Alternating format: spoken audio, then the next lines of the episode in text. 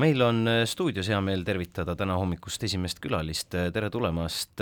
Andrei Korobeinik tervist! Ehm, kui me nii-öelda kohe võtame härjal sarvist, siis kindlasti nii, mitte ainult meie, aga, aga paljud, kui nad mõtlevad Keskfraktsiooni ja tänase päeva peale, siis ikka esimene küsimus, et millised meeleolud nüüd on, et kas kas õhk on puhas, kas saab tööga nii-öelda kuidagi edasi minna? no see on äh, selline subjektiivne küsimus, et mulle tundub, et äh, praegu on see meeleolu ikka tunduvalt positiivsem, et kõik Äh, teevad äh, noh, tööd koos, äh, keegi seal midagi omavahel ei jaga ja see ikka väga palju erineb sellest, mis siin viimased pool aastat oli, et noh, toona me pidime keskenduma sellele, et me noh, pidime selgitama, mis on nende erimeelsuste põhjus, et nüüd me saame teha poliitikat, no tõepoolest kuuekesti on seda teha keerulisem kui siis, kui meid oli noh, kuusteist inimest näiteks peale valimisi. Aga võimalik, et me oleme pakkunud praegu reaalset initsiatiivi ka valitsuspoliitikale ja ma arvan, et äh, noh, lähima aasta jooksul me suudame ennast äh, noh, kehtestada palju tugevamalt kui eelnevalt, noh, Isamaa fraktsioon näiteks on väga hea eeskuju, ta on päris väike, aga on äh, päris korralikult suutnud kaasa rääkida. Andrei Korobeinik, teil on Äh, Keskerakonnas Riigikogus kaks aseesimeest, aga, aga kas on lootust nüüd varsti leida ka fraktsiooni juht, äkki teie ise?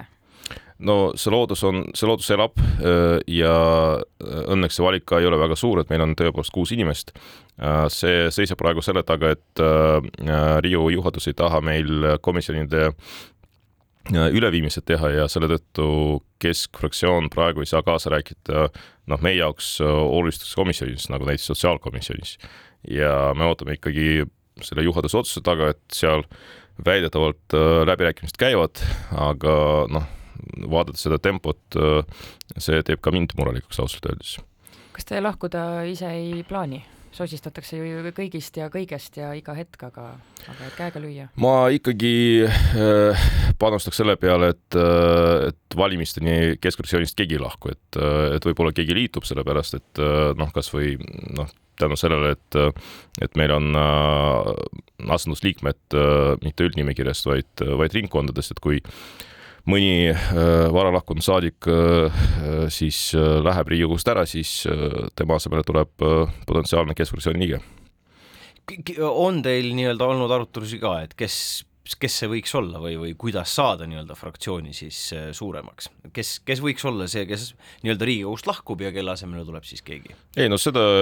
meil ei ole küll mõtet arutada, et no esiteks äh, tulevad Europarlamendi valimised, äh, me ei tea, kas meie ekskolleegid kandideerivad kuhugi, kuidas neil läheb ja nii edasi, teiseks tulevad kohalikud valimised, kus võib ju juhtuda, et mõni Riigikogu liige näiteks noh, läheb kas linnapeaks või abilinnapeaks. mõnede jaoks võib-olla see kohalik poliitika on südamelähedasem. ja selles mõttes see sõltub ikkagi neist, aga noh, ma tahtsin seda öelda, et ilmselt äh, nendest kuuest ei lahku keegi ja kui tuleb mõni asendusliige, siis äh, tal on ikkagi potentsiaal keskfraktsiooniga liituda ja siis ta hakkab taas kasvama. no ilmselt kuuekesi äh, poliitikat teha on ikka päris, päris keeruline, palju teid üldse nii-öelda kuidagi laua taha kutsutakse või palju teid kuulatakse? No ikka kuulatakse, et äh, noh, tegelikult kui vaadata sellist poliitilist realiteedi, siis äh, ka varasemalt on olnud nii, et äh, sellised väiksemad fraktsioonid olid päris sellised noh, suurema kaaluga, et nad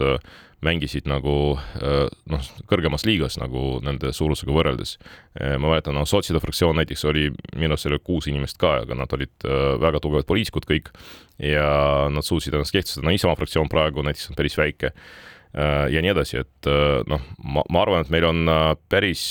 hea potentsiaal, et tõepoolest teatud valdkonnas võib-olla seda kompetentsi ei ole, et ei ole võimalik, et kuus inimest suudavad katta noh, kogu, kogu selle poliitilise, poliitilise spe, spektrumi, aga Keskerakond on suur erakond, seal on pea kolmteist tuhat inimest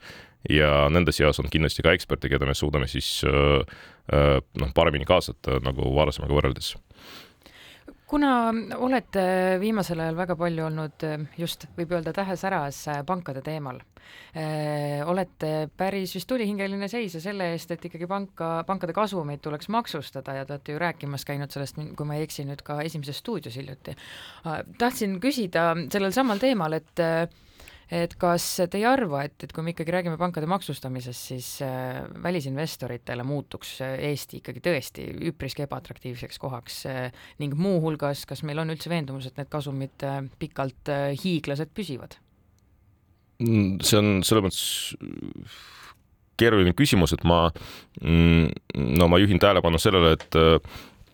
siin tõusis äh, näiteks äh, hotellide käibemaks oluliselt. ma olen ise teadlik sellest, et tänu sellele jäi vähemalt üks arendusprojekt ära.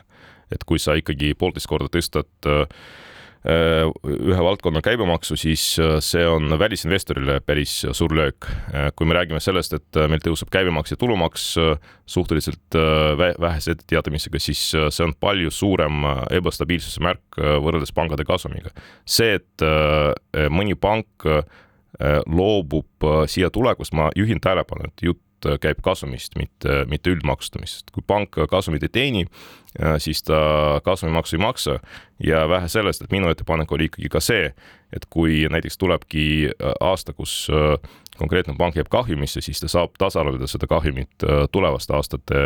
kasumi pealt, ehk siis Eh, pangade kasumlikkus on suurem kui kasiinode kasumlikkus, kui Eesti Loto kasumlikkus, et eh, me räägime ikkagi umbes seitsmekümne protsendist toot-, tootlikkusest ja maksud eh, sisuliselt puuduvad. ja ma saaks veel aru, kui see viiks selleni, et meil oleksid odavad laenud, eluasemelaenud näiteks, aga nad on kallimad kui Rootsis. kui noh, samas Eesti laenuvõtja distsipliin ei ole äh, Rootsi omast madalam. ehk siis pangad võtavad siit kasumit, viivad Rootsi välja, aga pakuvad meil oluliselt kallimat teenust ja kasumimaks tegelikult soodustab äh, nii soodsamat teenust kui ka näiteks äh, investeeringud Eesti majandusse, sellepärast et siis Rootsi pangal on soodsam pidada töökohad siin, sellepärast et see vähendab kasumit ja ta ei pea selle kasumimaksu maksta, nii et tegelikult võidavad kõik.